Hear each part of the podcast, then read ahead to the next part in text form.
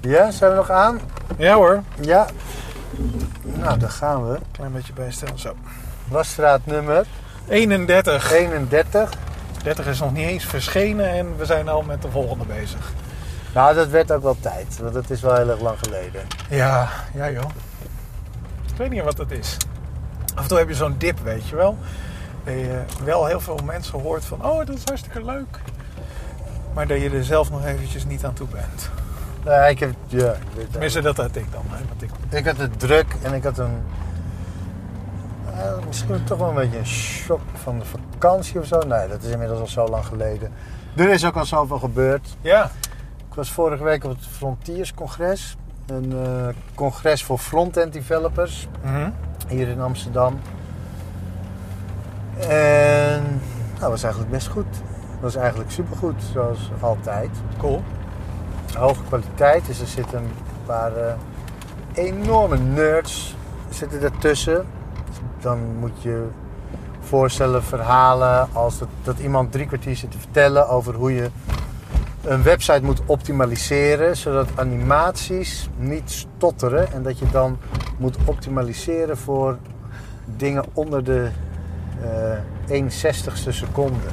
Oh, Zorgen dat, dat de verandering plaatsvindt binnen de 1 60ste van een seconde. Dat klinkt wel heel erg eh, nerdy. super nerdy. En dat gaat natuurlijk ook om, om eh, mega, of hoe noem je dat, micro-optimalisatie, macro? Ja. Ik zou het niet weten, micro. Heel klein. Heel kleine optimalisatie. Maar het zijn wel die dingen die, waarvan mensen uiteindelijk denken van... oh wauw, dat liep gewoon lekker soepel eh, op ja. wat ook, toch? ja, dan liet ze voorbeeldjes zien en dan, dan zie je zo animaties van sneeuwvlokjes of zo. En Mhm. we zijn gewend en we vinden het normaal dat dat soort animaties, als we die op het web bekijken, dat die af en toe haperen. Dat je zo de sneeuwvlokjes ziet en dat je af en toe zo pop, een blipje ziet. Ah, ja, ja, ja. Blip, blip. En ehm, dat zag je nu. eh, dat zie je niet als je het goed optimaliseert. Dan is het gewoon super strakke animaties. En het grappige is dus dat, dat, dat mensen zaten van wow! In plaats van ja, zo moet het toch gewoon. Iedereen was onder de indruk, want iedereen Ja. was ook waarschijnlijk met die problemen bezig. Of Ja, niet? nou ja, het, het was vijf jaar geleden hadden we dat natuurlijk ook. We Ja. zagen we ook altijd animaties die haperden. Maar hadden we geen enkel idee waar dat nou door, waar dat aan lag. En nu, nou ja, ik weet nog steeds niet waar het aan ligt hoor. dat is wel te nerdy voor mij. Ik zag ze geloof ik ook op Mobilism, maar tenminste daar waren ook eh, mensen aan het presenteren over. Jake Archibald deed daar een presentatie, inderdaad precies hier ook over. Ja, ja. ja. ja. Nou, dit is wel leuk hoor. Ik vind het zo tof dat mensen eh, niet, dus het JavaScript niet ook alleen maar zien als toeltje, maar ook echt dieper in durven te duiken. ja, Dat is, dan, ben je, dan ben je gekwalificeerd als echt developer. ja. Of in elk geval dat je dat durft. Niet zozeer, je hoeft er niet per se goed Nou, het in moet zijn. ook wel. Ja, ja, inderdaad. Je moet het probleem oplossen. Het is, een, het is ook een, een echt volwaardig vak geworden. Ja. Ja, inderdaad. Ja. Ja, En ook echt wel volwassen. Dat zie je dus ook aan dit soort dingen. Dat, dat er op dit niveau wordt geoptimaliseerd. Dat was natuurlijk vijf jaar geleden. Of nou ja, het, acht jaar geleden. Begonnen we met optimalisatie voor websites. Begonnen we na te denken van hoe kunnen we de performance verbeteren. mhm. In het begin dachten we, nou, dan zetten we gewoon een extra server erbij. Dan wordt die twee keer zo snel. Ja, nou, het was ook goedkoper, hè? Hoe heet het? Een eh, server was eh, goedkoper dan iemand. Ja, maar we kwamen er al snel achter dat het helemaal niet aan de servers ligt, vooral, maar dat het in de browser, als je daar optimaliseert, dat daar de boel, het, nou, dat daar het meeste winnen valt. Ja, Maar nu zie je dat het al tot dit niveau van wordt, het, wordt de rendering op de GPU of de CPU gedaan? Ja. goede vraag. Eh, Ja, maar daar is nu dus antwoord op gegeven. Oké, wauw. Ja. Dat is wel, ja, dat is super relaxed. Denk je dat dat echt door, het mo no- door mobieltjes komt? Dus Of- omdat mobieltjes ook langzaam zijn? Onder andere.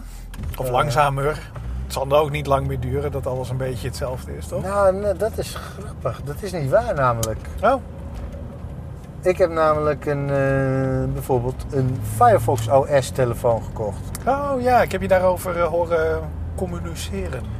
En Wat, wat vroeger inderdaad zo was, was alles werd altijd sneller. Dus je kon er gewoon van uitgaan, computers worden altijd sneller. Ja. En eh, de, de, hoe heet het, de wet van Moore is dat. Ja. De wet van Moore is eigenlijk dat er twee keer zoveel transistors op een oppervlak passen elke twee jaar of zo. ja, op hetzelfde oppervlak. Ja, precies. Eh, dus dat is niet eh, precies hetzelfde als snelheid, maar goed, het, je kan het een beetje eh, ermee vergelijken. Maar op een gegeven moment, een paar jaar geleden, kregen we de iPhone, een echt, echt slim telefoontje, een echt computertje. Mhm. Maar die was natuurlijk echt wel tien keer zo traag dan de hardware die er toen de tijd, dan de computers die er toen de tijd verkocht werden. En toen dachten we, oké, nou hebben we dus gewoon ook een trager ding erbij, maar daar gaat diezelfde wet voor gelden. Hè, dus dat, ja, dat Telefoontjes- vanzelf versneld dat, wordt. dat telefoontjes elk jaar sneller worden. ja. Maar dat is niet zo. Wat de trend is, oké, die heb je ook, hè, dus steeds betere telefoons Mhm. voor de nerds onder ons. Maar wat je ook hebt, is dat je de. ehm, eh, dat ze steeds goedkoper worden. Dus we blijven steeds langer blijven we oude hardware verkopen. Ah, Oké. En zo'n Is dat ook Firefox echt oude hardware? Of, wordt, of ook echt gewoon zo van, nou, dit is goed genoeg? Misschien goed genoeg hardware. Ja. Eh, Firefox OS, wat ik in mijn broekzak heb zitten, is echt een hele slechte telefoon. Hardwarematig. Mhm. Dus de software is wel tof, maar de. Eh, Maar de hardware is echt super minimaal dus. Ja, de, de, de touchscreen is gewoon. eh, De resolutie van het, het touch-oppervlak is gewoon niet zo goed. Dus je typt Ah, vaak mis. Ah ja. Je Ik heb dat trouwens nu ook met mijn iPhone. Ik heb, ik heb die iPhone 5. Maar het leek net alsof plotseling mijn vingers dikker waren geworden of zo. Oké. Dus ik typ er regelmatig naast. Maar ik heb het ook met mijn telefoons die ik al had. Dus je misschien- met alle ja, sowieso dus, al. Dus misschien word ik, eh, ben ik zelf een beetje aan het dementeren. Ja, ja, ja. Oh jongens, we, we rijden nu het eh, gevaarlijke gebied in. Waar je geen messen mag dragen. Waar je geen messen mag dragen. Nee, het is nu veilig, hè? Want je mag hier geen messen meer dragen. Ja, inderdaad. Nee, Ja. het is, het is werelds veiligste buurt ooit. Ja.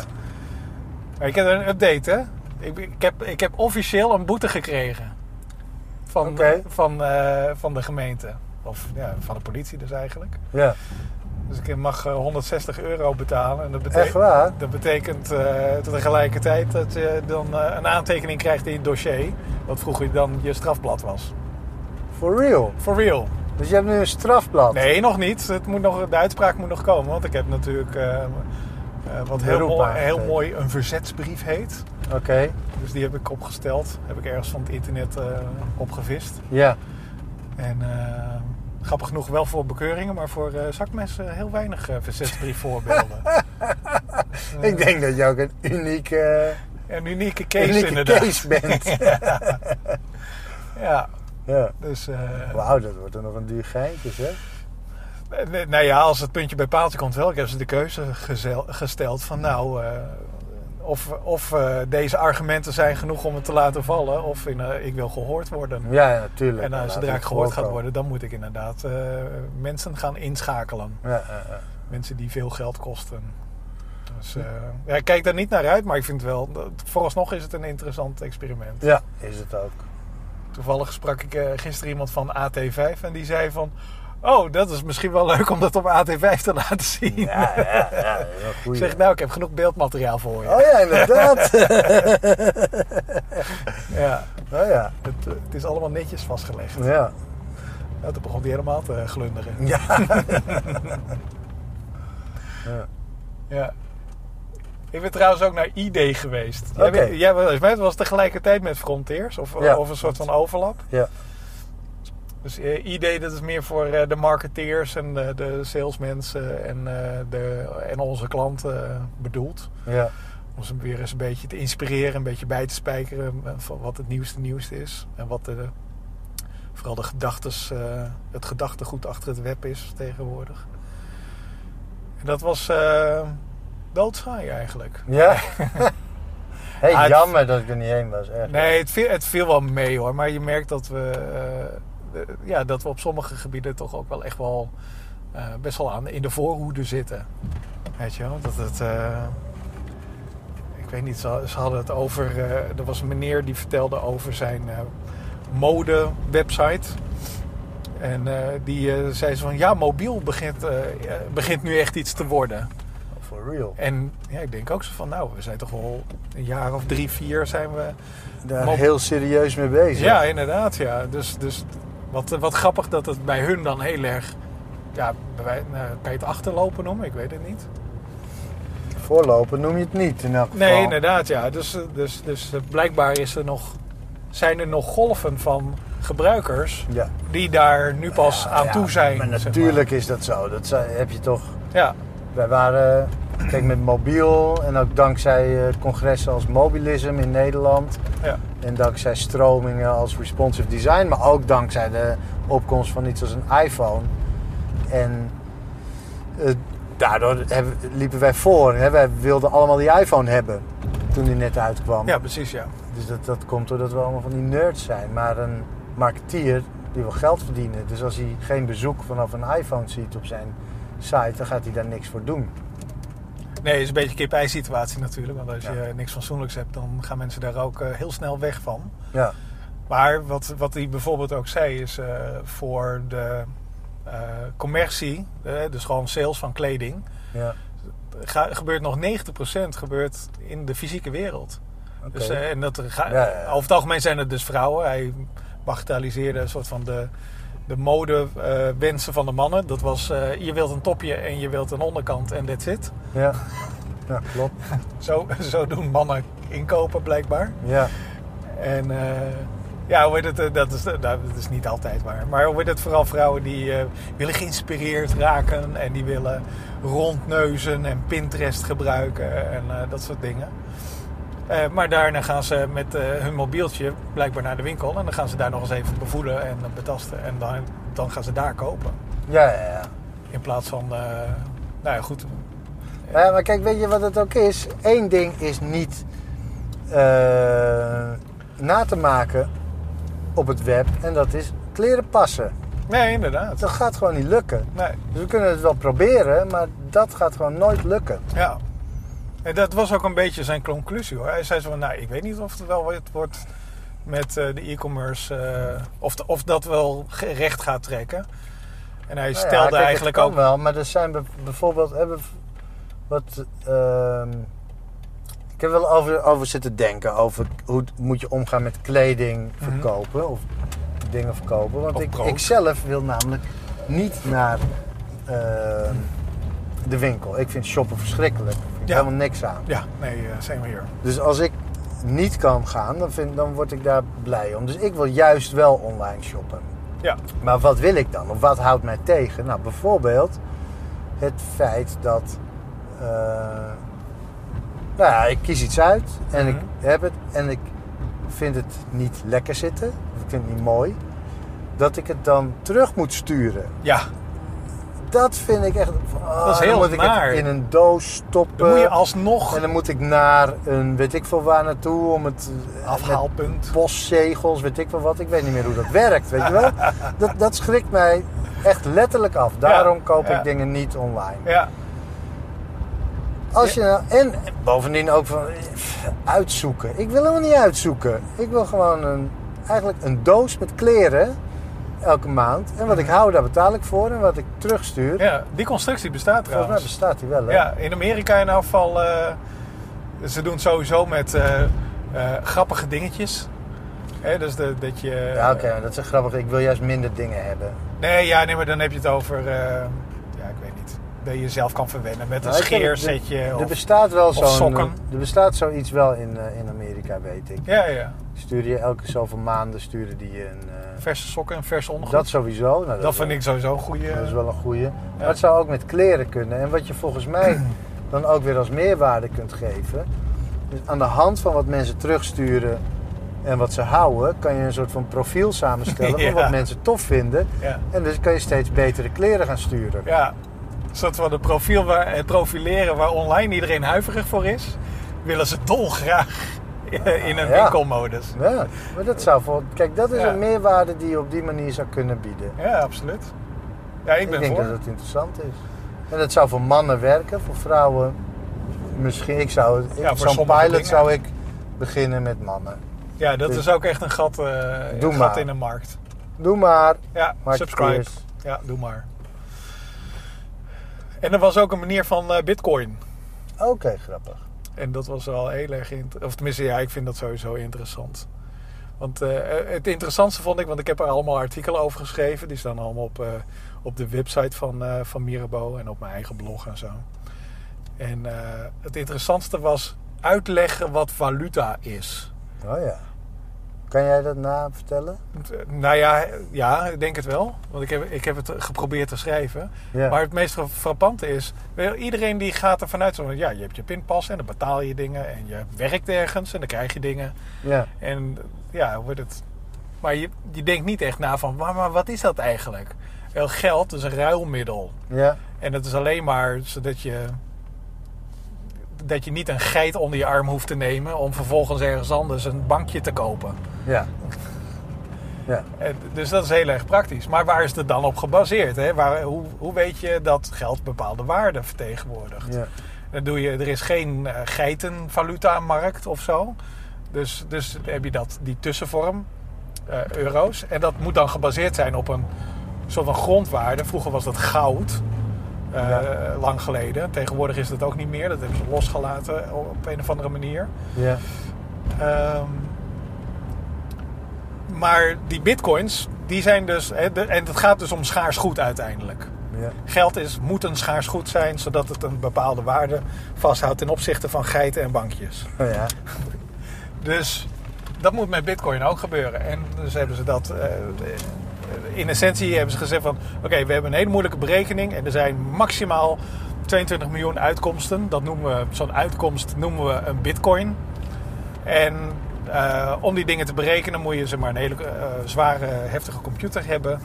En die berekent dat dan één voor één. En eh, elke keer als je zo'n ding berekent, dan heb je een bitcoin gekregen. Eh, Oké. Dus, dus die rekenkracht die vertaalt zich naar één bitcoin. Oké. En vervolgens ga je daarmee handelen. Ja.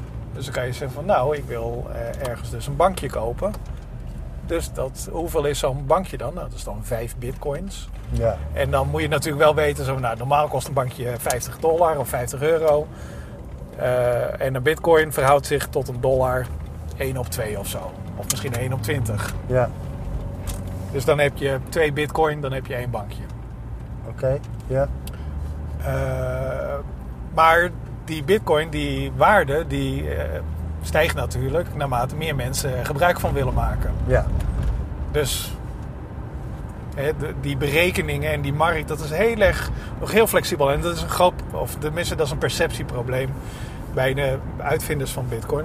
Want ja, hoe heet het? Dus als je wat, eh, drie jaar geleden je eerste drie bitcoins eh, kocht voor eh, een paar euro, dan ben je nu zeg maar best wel rijk. Ja. Ja. Want die is, met factor 20 eh, zijn die in waarde gestegen. Ja. En dus daar zien heel veel mensen die zeggen van ja, maar dan gaan mensen dus zitten op hun bitcoins. Net zolang tot die waarde omhoog gaat. Ja. Omdat de behoefte groter wordt, bla bla bla. Dus eh, de- en dat is een heel complex eh, ding Lijkt wat een beetje op, uit te op, leggen. op huizen kopen en er niks mee doen, Ja, omdat ze dan wat meer waard worden. ja, ja, inderdaad. Ja. Alleen met een huis ja, kan je niet eventjes ergens naartoe om iets te kopen. En Nee. dat kan je met bitcoins dus wel. Hè. Daar zijn ze voor bedoeld. Ja. Maar het is wel heel erg interessant om dat te realiseren. Dat dus mensen inderdaad zo van... Ja, ik, ik snap valuta niet en daarom wantrouw ik bitcoins. Terwijl het in theorie gewoon een heel eenvoudig model is. Ja. Er is een schaarste. En met die schaarste ga je handelen. Ja. grappig. Ja.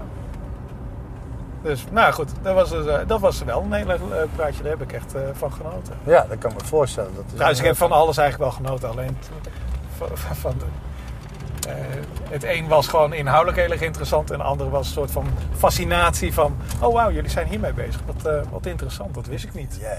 Het is net zoals dat je naar de... eh, hoe noem je dat? Naar de huishoudbeurs ging vroeger. En daar...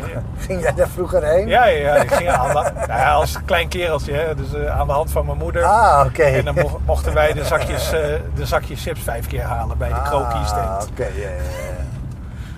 Nee, ik ben er nog nooit geweest, maar het lijkt me wel inderdaad fascinerend. Ja, dat is echt, dan kom je echt hele andere mensen tegen. Ja. En dat is heel erg leuk. Dat is, eh, want die hebben een hele, heel ander beeld op de, op de wereld. Maar die vinden, ander- die vinden ook zeg maar, het internet ook op een hele andere manier interessant. ja, maar natuurlijk, dat is voor iedereen. Daarom Ja, is het natuurlijk Maar dat tof. realiseren we ons niet allemaal hoor. We, Nee. de- we, denken allemaal dat we gigantisch bezig zijn met Facebook en Google Plus en eh, hoe heet het, eh, dat, eh, dat sms'en in het buitenland minder waard wordt of minder kost. Maar dat is allemaal niet zo. Het is heel erg rustig bij de Wasstraat. We zijn Ja. er inmiddels. Hoi, mag ik eh, de basis was alsjeblieft? Binnen, contant. Pinnen graag. Nou, terwijl precies aan het pinnen is, we hebben dus geen beeld. We hebben wel een cameraatje achter ons. Maar we, het produceren van de video, dat kostte zoveel moeite. Dat we even gereset hebben. En dat we dus... eh, Nee, dank je. Oh, geen bonnetje. En dat terwijl ik net mijn haar blauw heb geverfd. Ja, Dan kunnen jullie dat niet zien. Dat is Ik, lullig, hè? ik wilde er niets over zeggen eigenlijk. Ik dacht dat... Was het geen ongelukje met Kiki of zo? Nee, nee, nee. Bewust. Oké. Ja. Nou, stel je voor dat je op kant B kijkt. dan kan je misschien eh, zien welke, kleur het is inderdaad. Mooie kleur blauw. Ja, een beetje kobalt ook, hè? Ja. Glanst een beetje. Ja, het is ook zo lang geleden dat we dat er echt een wasstraat uit is gekomen. Ik denk dat het best wel een fout was om het in, ook in de zomervakantie uit te geven. Want we hebben best weinig resultaten of reacties Ja. gekregen. Ja, niet dat dat een doel is, maar het viel, Ah, wel, viel wel op. Ah. Maar- Ik had volgens mij ook gewoon minder te zeggen. Of ik was met andere dingen bezig. Ik weet het eigenlijk niet. Ja, ik denk dat dat het was. Dat heb ik nu eigenlijk ook. Ik ben ook afgeleid. Ik moet, volgende week moet ik op twee congressen spreken. één in Oslo en één in Nuremberg. Oh, wauw. En normaal spreek ik helemaal niet op congressen. Zeg gerust een jaar niet. Mhm. En nu ineens op twee. Dus ik ben, en de, daar spreken ook wat eh, imponerende figuren. Dus bijvoorbeeld Jeffrey Zeltman spreekt op een van die congressen. Dat is Ah, toch hè, een van de figuren van wie ik, we, die een boek schreef over hoe je websites moet maken voordat ik wist dat je websites kon maken. Ja, ja. Eh, Bekend van uh, listapart.com. ja, die- ja, precies. Hij heeft de list apart opgezet. Eh, meneer Wyung Lee, dat is een van de eh, mede-uitvinders van eh, CSS. Die heeft het bedacht samen met Bert Bos. Ah, ja, ja, ja. Oh, daar moeten we het ook even over hebben. Dus die spreekt daar ook. Eh, op het andere congres spreken Jeremy Keith en eh eh, Vitaly Friedman. Nou ja, dat zijn Oh ja. gewoon webhelden. Dus dat is ehm, Vitaly is van... eh, van van Smashing eh, Magazine. Ja, precies, ja. Van dat mooie magazine waar je voor, ook voor hebt geschreven, toch? Ja. Dus ik ben een beetje. ehm, Ja, dat is altijd wel heel spannend. ja.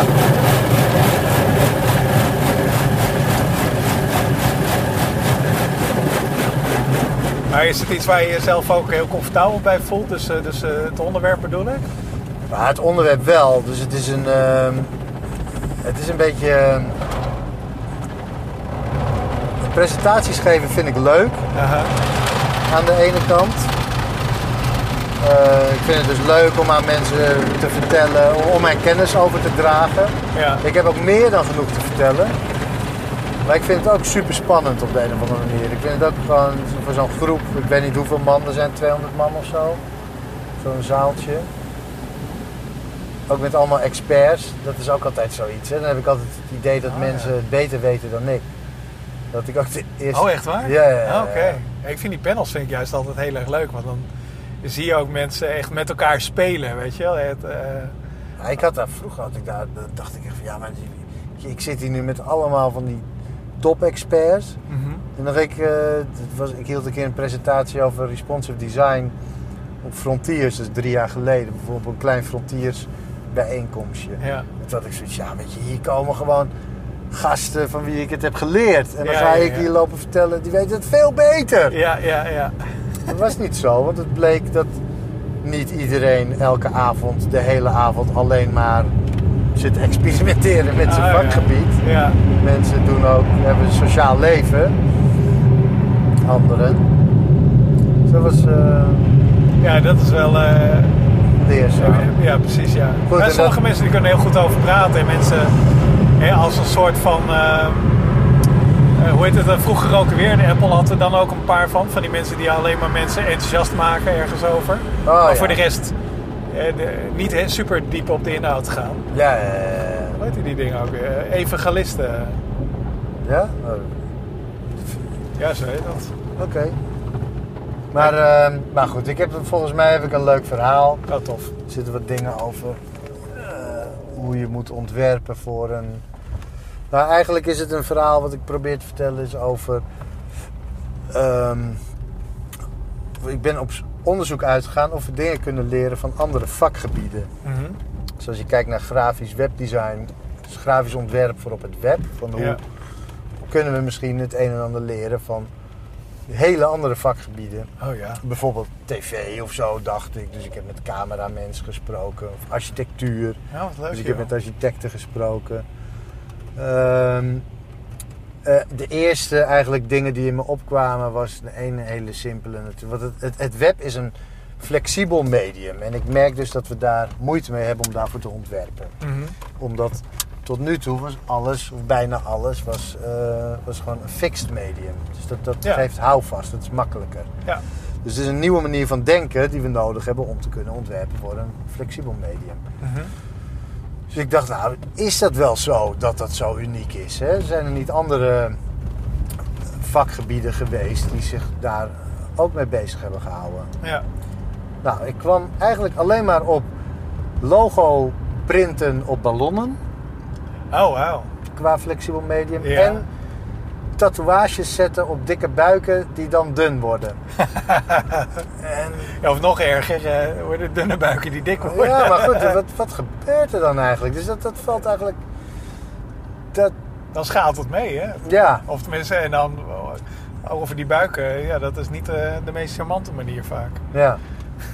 Nou ja, goed, dus dat is een beetje... Ik zat een beetje daarnaar te kijken. Ja, ja. En eigenlijk kwam ik tot de conclusie van... Nou, helaas, er is niet zo heel erg veel waar we...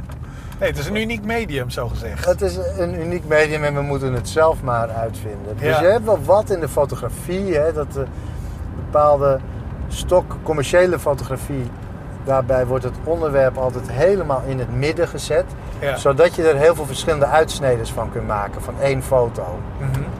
Ehm, nou, dat is eigenlijk een soort van responsive design, waarbij je dus zou kunnen zeggen van nou ja, de, afhankelijk van de grootte of het medium passen we de layout van de foto aan. Ja. Maar goed, dat kunnen we inmiddels. Daar hebben we helemaal geen fotografie voor nodig. Zo bijzonder is het niet. Dus ik, nou, ik ben Ja. niet echt, kwam niet echt tot dingen. Er waren een aantal dingen. Eentje die ik wel bijzonder vind, dat is eh, mobiel. Dat is eigenlijk best erg. Dat we dus van eh, mobile app development Mhm. of mobile app design, dat we daar wat van leren, kunnen leren op het web. Dat vind ik eigenlijk best erg, omdat dat zo Hoezo nieuw is. Dus we gaan leren van Ja, een medium wat ja. veel nieuwer is en die hebben dingen uitgevonden die ook supergoed werken op het web. En wij hebben dat in die 20 jaar niet kunnen uitvinden. Nee. Ja, Dus- ik, dat, maar dat is... Het, het Is, dat de remmende voorsprong? Nou, ik vraag me af hoor. Het is, eh, ik denk dat het eh, een soort van haasje over is. Dat zodra, de, zodra het woord app en applicatie viel, dat toen ook een discipline, eh, hoe heet het, user interface design, ook echt naar, naar voren kwam. Dat, die bestond al heel erg lang. Ja. Ik bedoel, die zit in de hoe heet het, in industrie en televisie maken en weet ik veel wat. Daar het- komt het allemaal al voor. Ja, maar die zat ook al echt heel lang in het web. En, Ja, nee, maar het, dat, het was wel nodig, maar ik vraag me af of, of er inderdaad userface designer, user interface, die, wat is het nou? Ja, user interface designers, of die ook op die manier bezig, eh, of die wel betrokken werden voor websites. Want dat is content, ja, dat is iets die anders dan. zich er wel mee bezig. Ja. Het is het, maar goed, in elk geval, ik vond een van de dingen die ik opvallend vond, eh, is dat het tegenwoordig, vroeger was het zo, elke website had gewoon linksboven een groot logo. Ja, En eh, daarnaast een navigatie. En links een navigatie en rechts widgets Ja. en onderaan footers. En we hadden blijkbaar kleine schermpjes nodig om erachter te komen dat we helemaal geen widgets nodig hebben. Ja. En dat niemand zit te wachten op een altijd aanwezige navigatie. Omdat de meeste mensen nu helemaal toch komen voor de content van de pagina waarop ze Ja. zijn op dat moment. Het is een... Dus we hadden kleine schermpjes nodig en een paar slimme ontwerpers. En zelfs niet eens op het web. Op het web was het ook. De eerste mobiele websites, Mhm. dat waren menustructuren. Dus dan ging je Ja. steeds dieper het menu in. En daarna kreeg je pas wat. En daarna kwam je pas uiteindelijk op een pagina. Ja. Dus dat is een... ja, grappig inderdaad. Ja, En nou ja, dus... Maar, ja. maar dus, dus dat is een van de dingen waar, waar responsiveness en eh, die flexibiliteit blijkbaar wel echt eh, een ja. impact heeft gemaakt. Ja, bij mobiel merk je dat, je dat we daar hebben geleerd om ons te focussen op het onderwerp. Mhm. Dat, dat dwong ons. Terwijl we vroeger gooiden gewoon alles wat we konden bedenken op een pagina. We hadden toch nog wat witte ruimte. Ja. En nu zien we van, nou, misschien is die witte ruimte ook wel functioneel. Oliver Reichenstein die zei dat ook laatst in een tweet. Dus die had een nieuwe, eh, die maakt IA Writer. Dat is een hele simpele teksteditor. En eh, toen kreeg hij de opmerking van, ja, ik heb allemaal witruimte links en rechts. Ja. dat, ding Kan dat is- niet gevuld worden ja, met tekst? Nou ja, ja, precies. Kan de tekst niet over kolommen of zo. En hij noemde dat... There is such a, thing, such a thing as useful white space. Ja, ja. En dat is natuurlijk ook zo. Het is beter Ja, en hij, ruimte en te hij zit dan erop. dat Dat is, toch, te- dat is toch die eh, developer die een eigen font heeft ge- ont- Ja. ontwikkeld omdat alle andere fonts niet voldeden? Ja, waren net niet goed genoeg. Echt geweldig. Ja. Maar ja, goed, eh, de applicaties inderdaad. eh, Maar en je, wat je ook fijn. ziet is dat op... eh, Android is nu heel erg aan het onderzoeken hoe ze om moeten gaan met responsive design. Dus daar verwacht ik eerlijk gezegd ook nog wel veel van. Android ja, als er iets een moet dat. speeltuin is. Want bij Android heb je, dus ja, als je een applicatie maakt, dan moet die werken op allemaal verschillende formaten. Je weet, net zoals op het web, weet je eigenlijk niet eh, hoe jouw bezoeker hem, eh, jouw, jouw, jouw creatie gaat zien. Nee, Dus Android heeft er allemaal tools voor ontwikkeld. Die heten dan weer anders dan media queries, maar dat eh, is ongeveer hetzelfde. En het, is, het is interessant. Ik denk dat, je- dat we daar heel veel van kunnen gaan verwachten. ja. Anders dan. Anders dan van het web zelf. ah, en en boekenmakers. Dat is misschien een leuk bruggetje naar het praatje wat Ja, Bert Bos gaf. Hè, dat, is, dat, dat, is, eh, dat is dan weer een uitvinder. Hè, de uitvinder eh, van CSS. Dat is wel leuk. Hij gaf in de waag gaf hij dus een praatje. En hij zei... Ja, CSS, eh, dat was ik aan het ontwikkelen samen met iemand anders.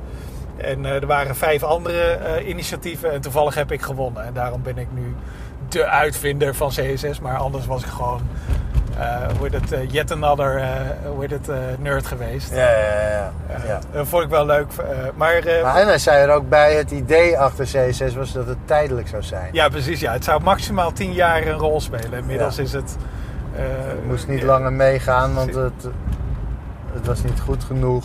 Nee. En het was alleen maar voor documenten. En het was niet bedoeld om, om user interfaces mee te beschrijven, maar dat is wel gebeurd natuurlijk. Ja.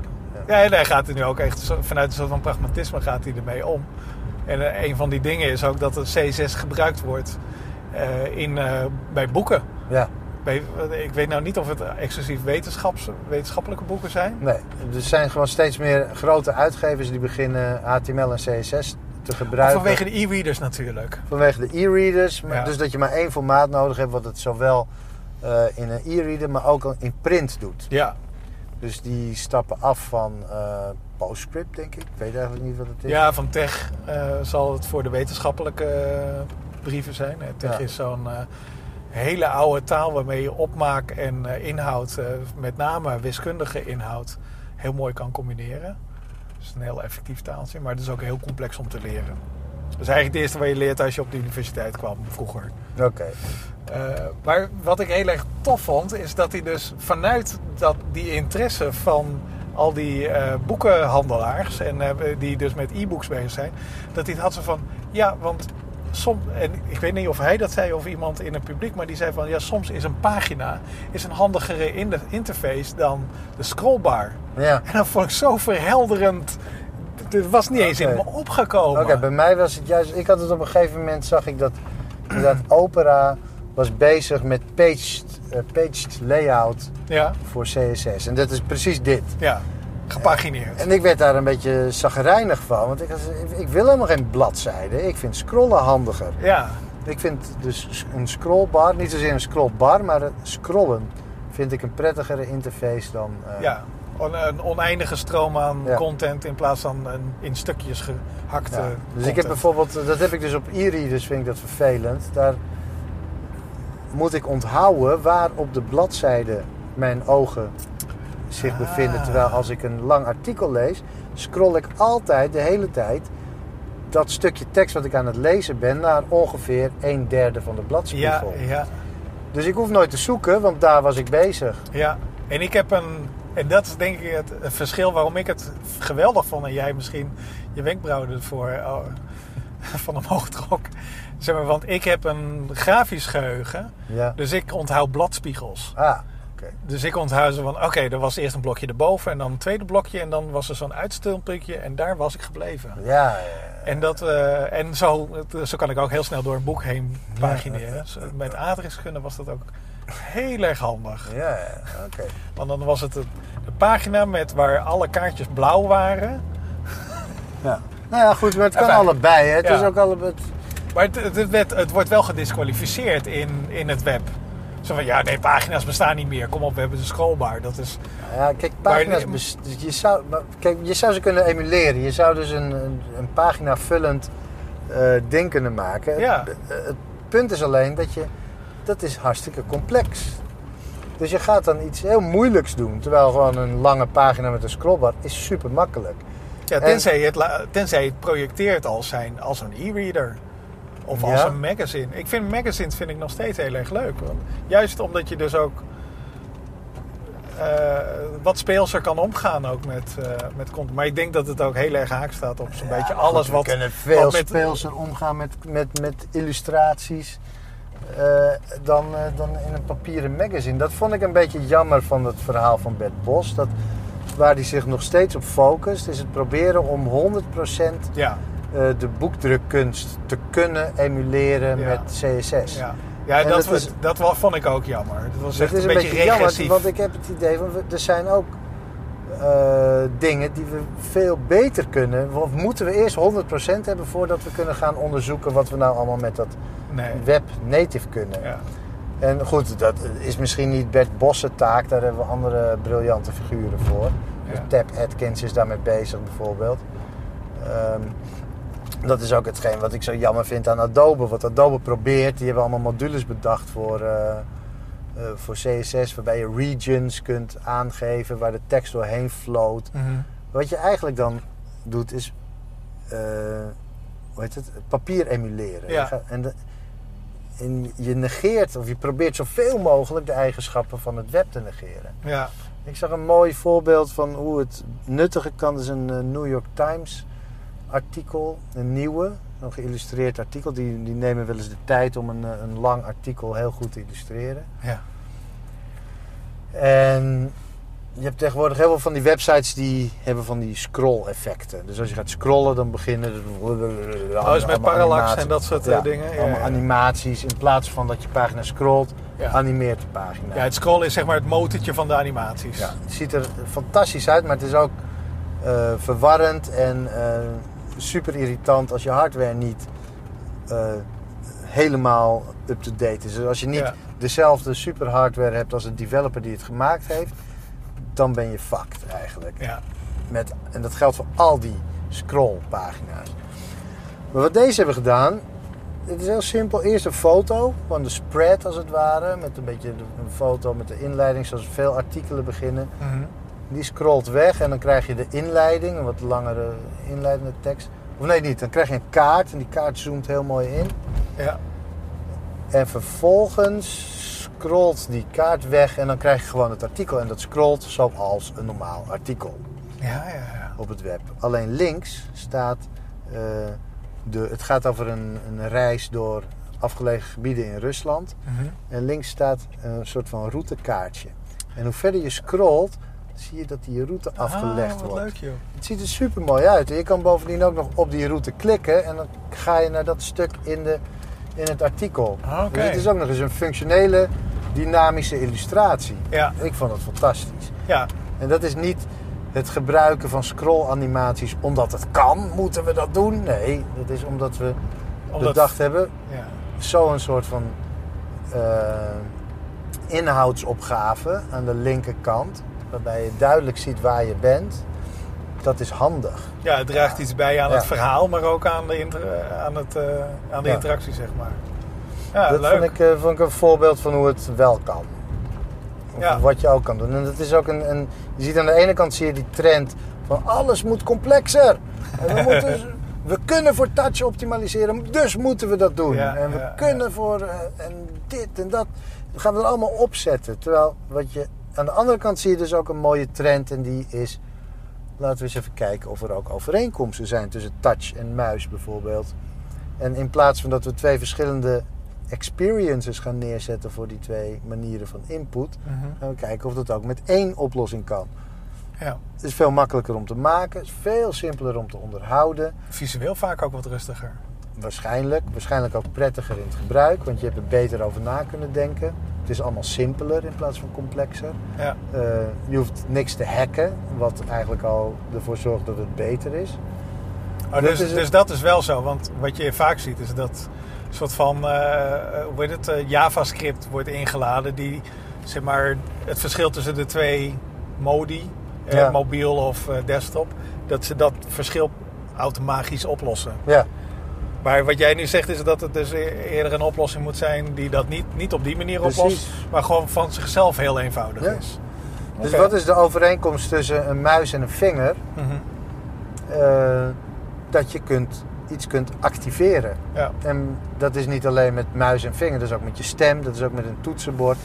Dat is met heel veel dingen. Activeren is de enige actie waarvan je zeker weet dat de gebruiker hem tot zijn beschikking heeft.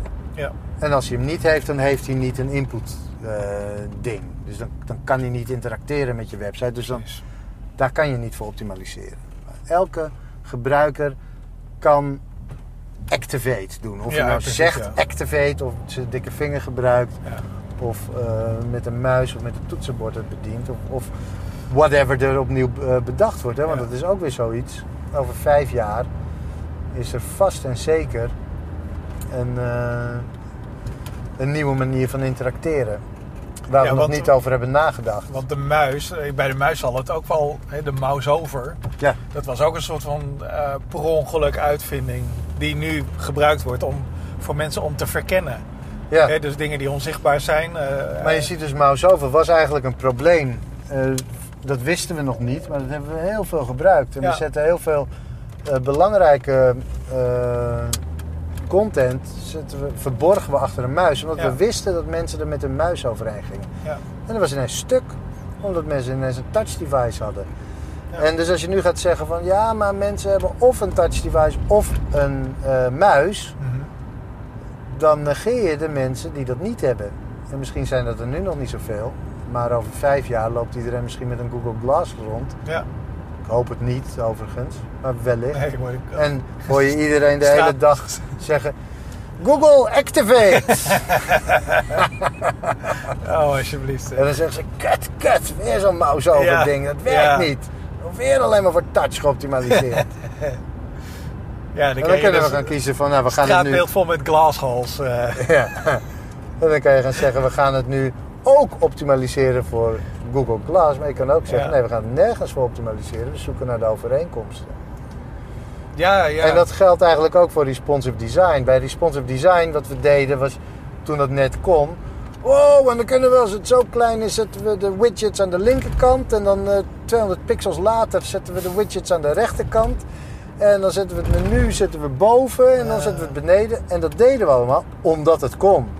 En we zaten allemaal te kijken van wauw. ja, we hadden gaaf. ruimte te vullen plotseling. En het was tof om te doen. Ja, Maar toen vroeg de klant ineens van ja, we willen nieuwe, nieuwe widgets eh, erin hebben. Mhm. Eh, en dan heb je een probleem, want die widget moet je dan op vier verschillende layouts moet je die erin gaan ja. vlotten. En vooral ook waar komt die dan? Hè? Want dat, Nou, was ja. de, dat was de grote truc eh, met, de- met het verhogen van de resolutie elke twee jaar.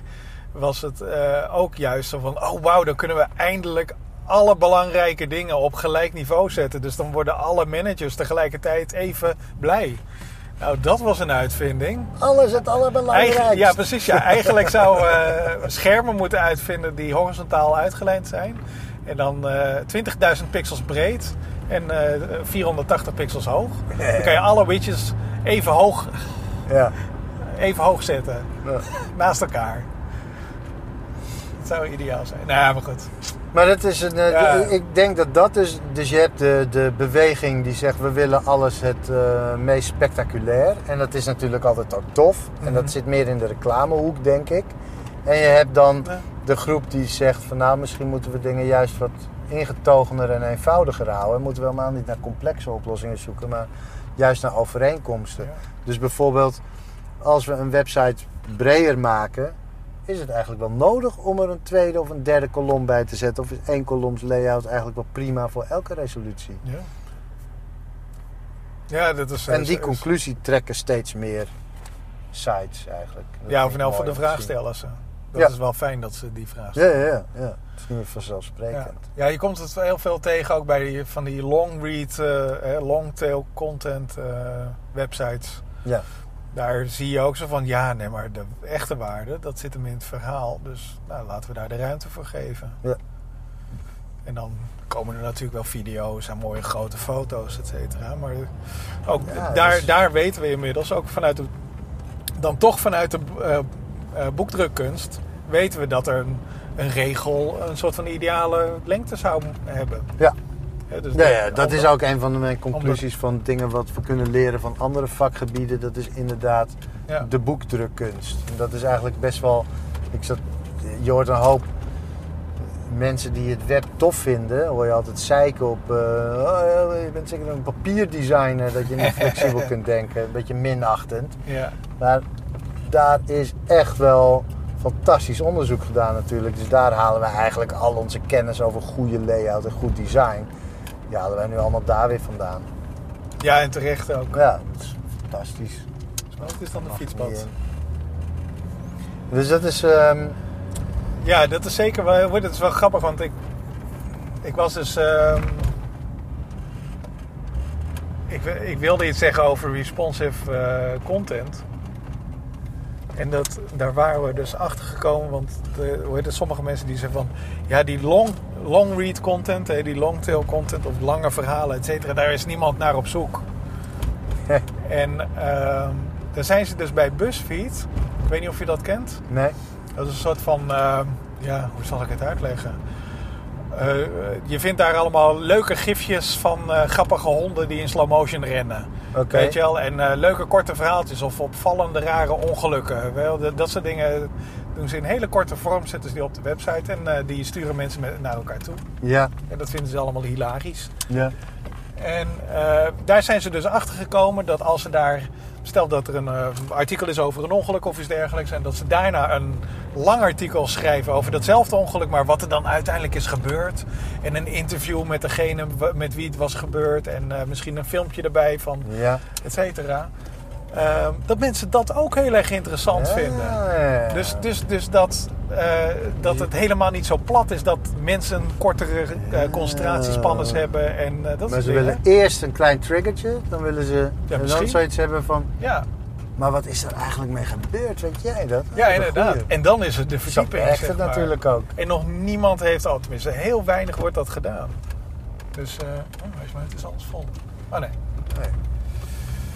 Dus het- ik vond het wel heel erg leuk. Dus daar kan je ook alles eh, van vinden op, eh, over die bevi- bevindingen Ja, van die... eh, goeie ook om dat te combineren. ja, absoluut. slim. Ja, ja, gewoon.